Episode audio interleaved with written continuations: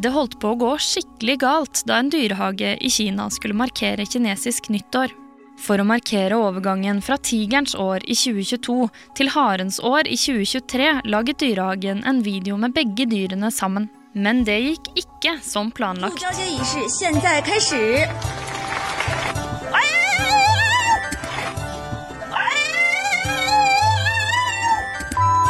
Ifølge lokale medier gikk det bra med haren, men den har trolig fått seg en støkk.